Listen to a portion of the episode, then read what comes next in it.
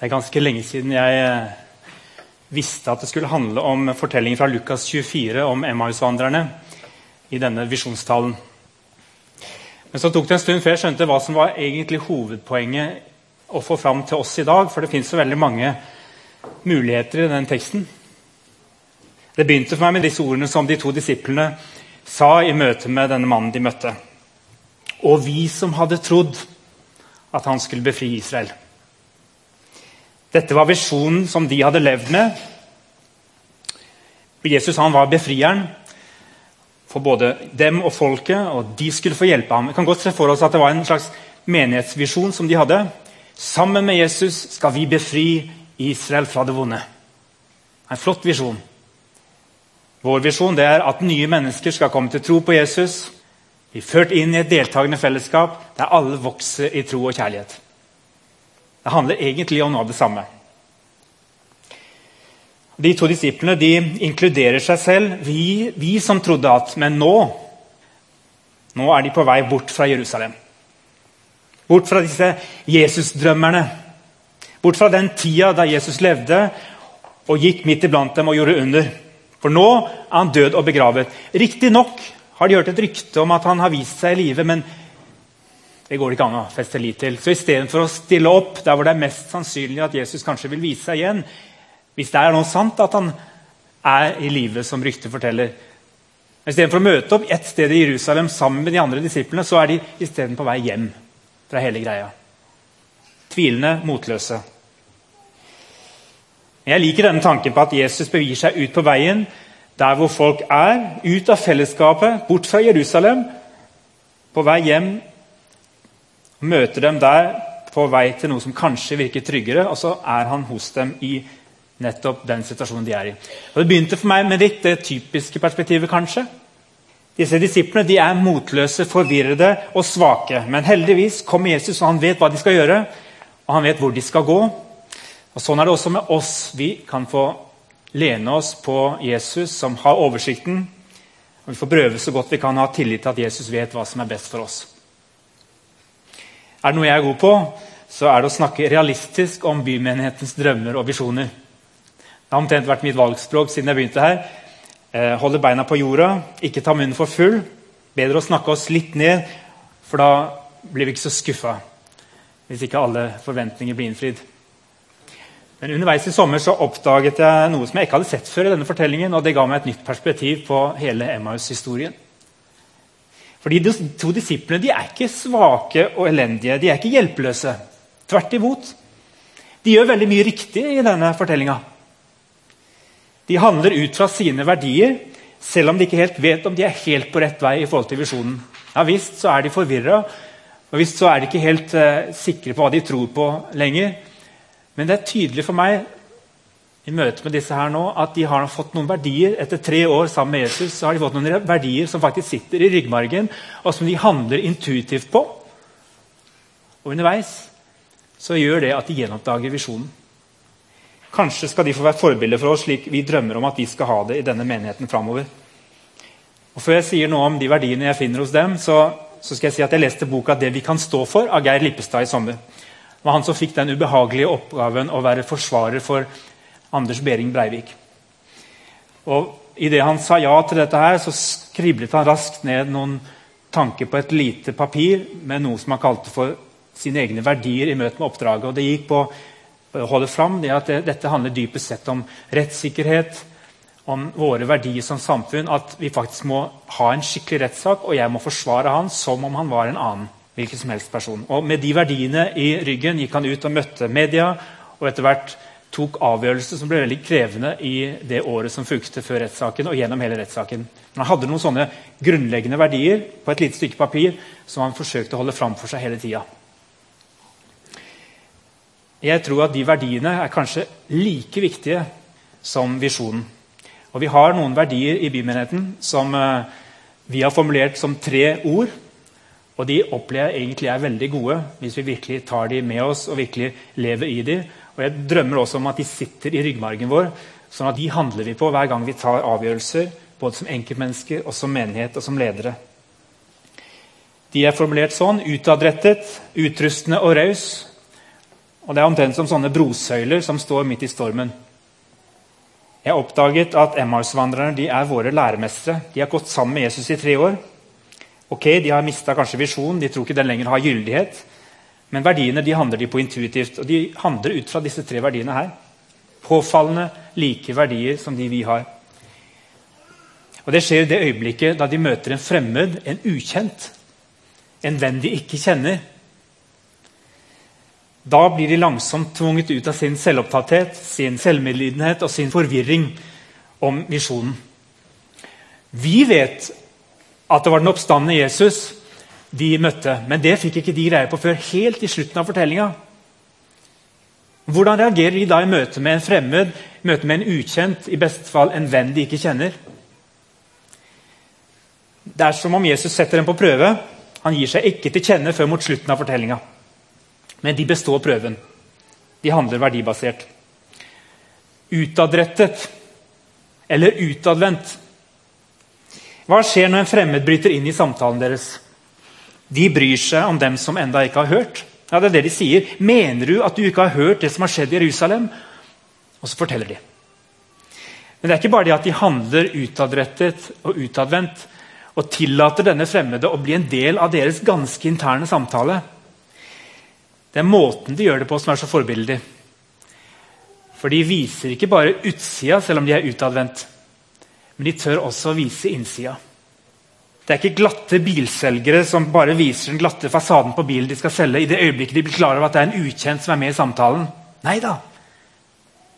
De stanset og så bedrøvet opp uten å skjule innsida. Og det gjør dem ekte og troverdige. Selv om de er forvirra og motløse, så forteller de faktisk at Jesus er død. Han døde på et kors. Og så sier de også at de har hørt et rykte om at han lever. Det har de vanskelig for å feste sin lit til, men på sin underlige måte så avgir de sitt vitnesbyrd om Jesus. Korsfestet, død og begravet og stått opp igjen. Jeg tror det er nøkkelen for oss til å forstå verdien utadrettet og handle på den. Det er at vi våger å la andre bryte inn i vår atmosfære, inn i, vår, inn i våre liv. At vi våger å slippe folk til og snakke med oss. Og når de tør å spørre oss om hva det er egentlig vi holder på med, og hva som betyr noe for oss, og vi snakker om troa vår, ja, så viser vi dem ikke bare bilselgersida, det aller beste fasaden her. Da forteller vi faktisk om alle de spørsmålene som vi faktisk går og lurer på. Vi forteller om en del ting som ikke har falt på plass i troslivet vårt, vi forteller om en del ting som gjør at det er tungt å gå til kirka og være sammen med de andre. Men i det møtet der vi våger å være åpne og ærlige med utgangspunkt i det vi har sett og hørt, så kan nye ting skje. Utrustende. Ja, men hvordan er det da mulig å få det til å passe inn at disse to disiplene handler ut fra verdien utrustende? Altså det som er helt sikkert er jo at De vet ingenting, de forstår ingenting. Og Du kan jo ikke utruste noen når du ikke har skjønt bæret. Men det står han begynte å utlegge for dem det som står om ham i alle skriftene, helt fra Moses av og hos alle profetene. Han fant ting i Bibelen og hjalp dem til å forstå. Men her er noe av poenget mitt. Forutsetningen for å handle ut fra verdien utrustende, slik jeg er blitt mer og mer overbevist om, det er ikke at jeg kan noe som jeg skal fylle deg opp med. Det er ikke at du er et tomt kar som trenger all min kunnskap. Forutsetningen før jeg i det hele tatt kan dele noe av det jeg kan, det er at jeg møter deg og ser at du har noe som ikke jeg kan. Du har et potensial, du har kunnskap, muligheter til å forstå og lese Guds ord som ikke jeg har, og derfor trenger jeg deg. Og I det øyeblikket jeg møter deg med den innstillingen, så handler jeg utrustende overfor deg. Fordi jeg er med på å forløse det som bor, og som Gud allerede har lagt ned i deg. Og Hvis ikke jeg har det med meg som en grunnforutsetning når jeg jobber utrustende, eller når du gjør det i cellegruppe eller i hverdagslivet ditt, i møte med til og med de som ikke tror på Jesus på arbeidsplassen, så hjelper det ikke aldri så mye om du kan all verdens om Bibelen. For du møter ikke mennesker med verdien utrustende. Nå kan dialogen begynne. Denne fremmede ukjente, som en venn som vi ikke kjenner, han har kanskje noe vi ikke vet ennå. Noe må Jesus ha lagt ned i dem de første tre årene som gjør at til og med møtet med en ukjent skaper en, en forventning og interesse hos dem. Er det noe her? Har han noe å bidra med? Og Så blir det en samtale om Bibelen. Det er ikke hva som helst de diskuterer. De diskuterer ikke eh, livet som sådan, men de diskuterer faktisk hvordan livet skal forstås i møte med Bibelen. Men jeg har faktisk gjort den erfaringen noen ganger i møte med ukjente, til dels fremmede folk som representerer en annen kultur, en annen forståelse, kanskje til og med et annet livssyn. At Bibelen, når den åpnes og vi leser noe sammen, så ser de ting som jeg ikke har sett, har erfaringer med seg inn, og som gir meg aha-opplevelser i møte med gamle ting i Bibelen som jeg trodde jeg kunne ut og inn. Jeg tror mange av dere også har samme erfaringer når dere har våget dere inn på møte med andre mennesker, ikke minst fra en annen kultur. Wow, De så de samme tekstene, men de ga nytt lys til ting som jeg ikke hadde sett før. og vektla nye ting. Og Jeg tror mange av dere har opplevd også det når dere har fått lov til å være i en cellegruppe. Det er et nytt menneske som ikke har vært i cellegruppe før, som kanskje er relativt ny på veien som troende kristen. Begynner å stille spørsmål til de tekstene som dere leser sammen, og gir dere alle sammen aha-opplevelser fordi dere må finne nye svar. Denne ukjente setter de siste hendelsene i sammenheng med det som står om Messias i Det gamle testamentet, på en måte som de ikke hadde oppdaget før. De handla ut fra verdien utrustende. Og så handler de ut fra verdien raus. De nærmet seg nå den landsbyen de skulle til, og han lot som om han ville dra videre. Den ukjente er høflig. Han vil ikke trenge seg på. Han skjønner at nå er de kommet fram til det stedet hvor de skal inn i privatsfæren. Nå kan han gå videre. Men da handler de ut fra sin ryggmargsrefleks. Det er seint. Bli med oss inn. Spis sammen med oss. Og der og da, sånn som det har vært til alle tider, både før og etter, så er det å invitere inn til måltidsfellesskap et utrolig sterkt uttrykk for nå er vi venner. Nå skal vi være mer i lag, og vi skal dele det vi har med deg. Til alle tider har det vært et uttrykk for vennskap og raushet. Å invitere mennesker inn i våre hjerter hvilke grenser er det vi setter som menighet for hvem vi kan dele måltidsfellesskap med? Og som enkeltmennesker? Kan vi handle ut fra grunnverdien raushet, selv om vi kan være totalt forskjellige? Selv om vi kan kjenne at vi har ulik bakgrunn i møte med en del mennesker, ikke forstår helt de samme tingene som dem? Som kirke, også bymenigheten er en del av akkurat det samme, har vi et gedigent omdømmeproblem. Vi kan mene forskjellige ting om det som er alles lepper, som på en måte skal engasjere seg visstnok i Norske kirker rundt denne, dette kirkevalget. Men ute i offentligheten så handler det om én sak, og det handler om hva vi sier og gjør i forhold til gruppen homofile og lesbiske. Denne talen skal ikke handle om konservative eller liberale syn på det spørsmålet. Men jeg tror vi alle sammen kan være enige om at vi har et gedigent omdømmeproblem fordi vi blir tutet ørene fulle om at vi ikke er rause, at vi ikke møter mennesker med menneskeverd, at vi ikke tar vare på de svake. Jeg tror vi har bare én ting å møte dette med, uansett hvor vi befinner oss. i forhold til dette spørsmålet. Det er å, det er å vise raushet så godt vi kan overfor alle vi møter, som stiller oss spørsmål om kirka og andre ting. Vi åpner Bibelen, vi leser den sammen, men vi er åpne for forskjelligheten, og vi er opptatt av å vise raushet. Det står noe i 1. Peters brev. Og Jeg vet ikke om det handlet om usikkerheten rundt om en gjør rett eller galt i en del situasjoner. Men Der sier Peter fremfor alt skal dere elske hverandre inderlig, for kjærligheten skjuler en mengde synder. Vær gjestfri mot hverandre uten å klage. Det er faktisk mulig å elske hverandre, og det begynner med oss som er sammen i menighet på tross av eventuelle meningsforskjeller, begynner med oss som hører til en, en, kirke, som ikke bare er denne menigheten, men som er andre. Og det er jo faktisk eh, ha som grunnlagsmateriale eller refleks i ryggen Jeg møter mennesker med raushet og kjærlighet, for det skal eh, skjule en mengde synder om jeg nå skulle trå feil i ting jeg sier og gjør i et ønske om å være sannheten tro i kjærlighet. Og hva skjer da? Når de to disiplene har handlet ut fra sine intuitive verdier, utadrettet, utrustende og raus? Jo, idet de spiser måltidet sammen, så åpnes øynene deres, og de får visjonen tilbake. Det er Jesus som er midt foran dem. De er jo sammen med han som lever, som er oppstanden, som er en del av deres liv fortsatt. De har bare ikke skjønt det. Og så sier de 'brant ikke våre hjerter' når han talte til oss? Og så springer de tilbake og forteller om møtet med den oppstandende Jesus Kristus. Jesus han kan møte oss fortsatt.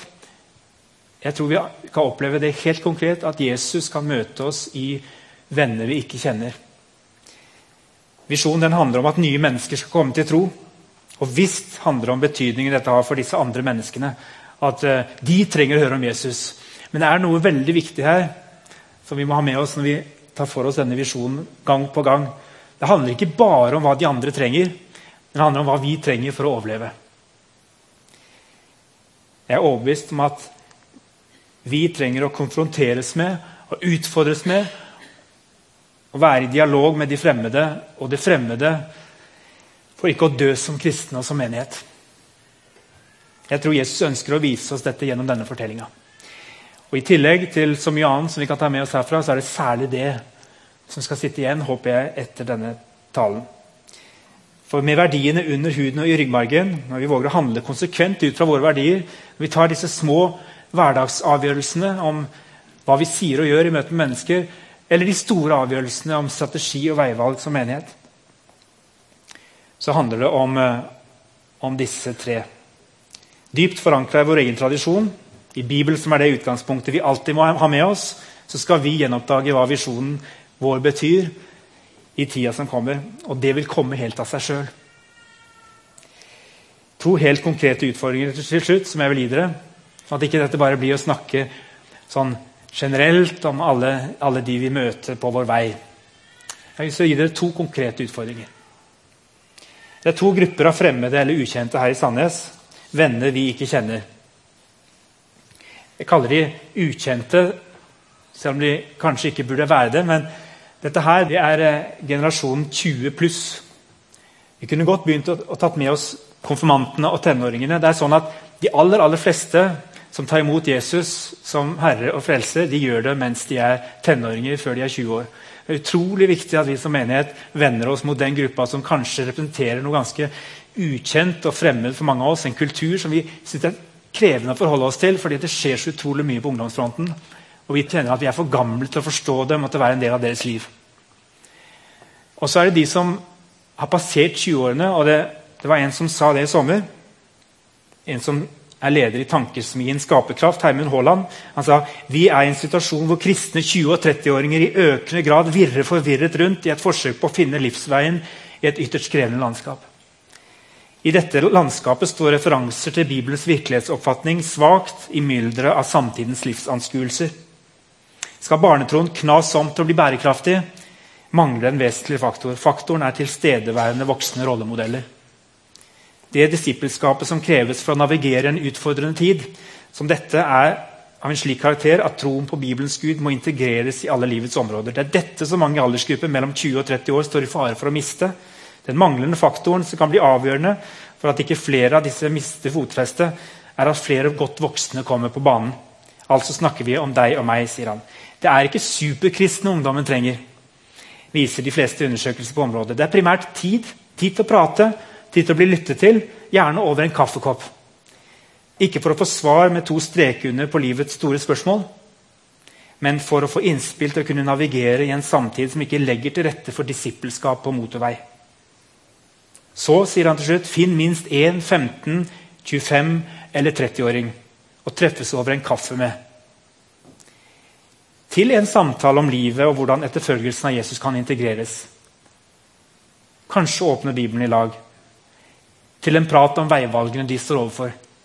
Smaker kaffen godt og samtalen ikke totalhavarerer på første forsøk, så er det verdt å gjenta seansen en måned eller to senere. Ser du for deg plutselig et eller annet menneske som kanskje ikke helt forstår hva det er du vil, men inviter på en kaffekopp en ung voksen som du sier jeg er bare interessert i å prate med deg og høre hvordan det går. Tenk om de sier ja. Utfordring to.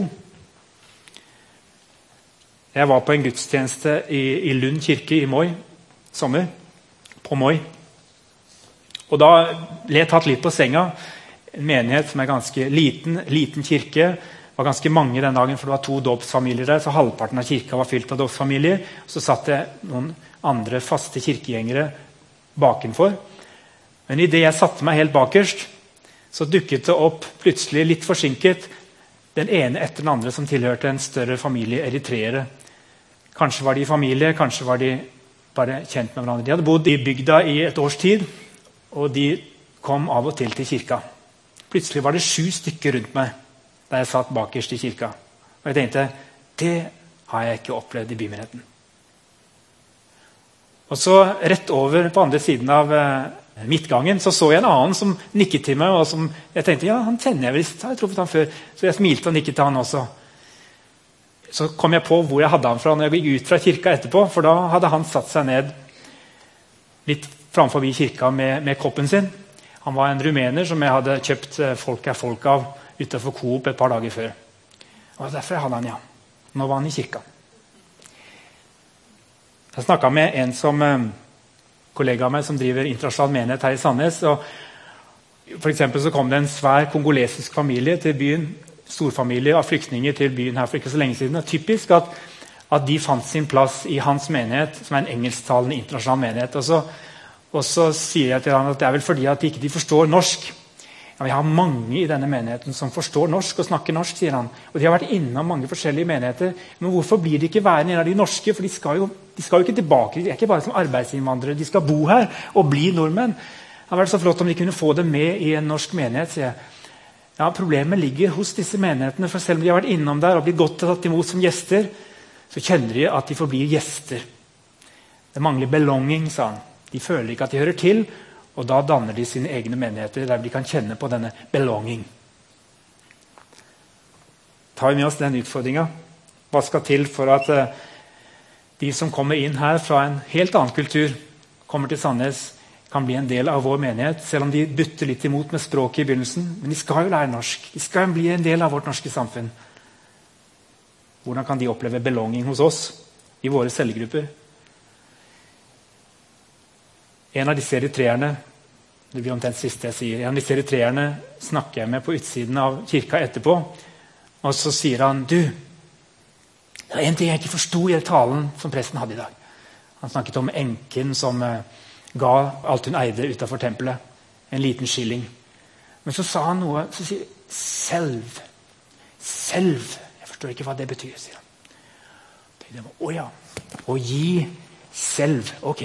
Det handlet om at På slutten så sier presten det viktigste og beste du kan gi til Jesus, det er ikke alle pengene dine og alt du eier, men det er deg selv.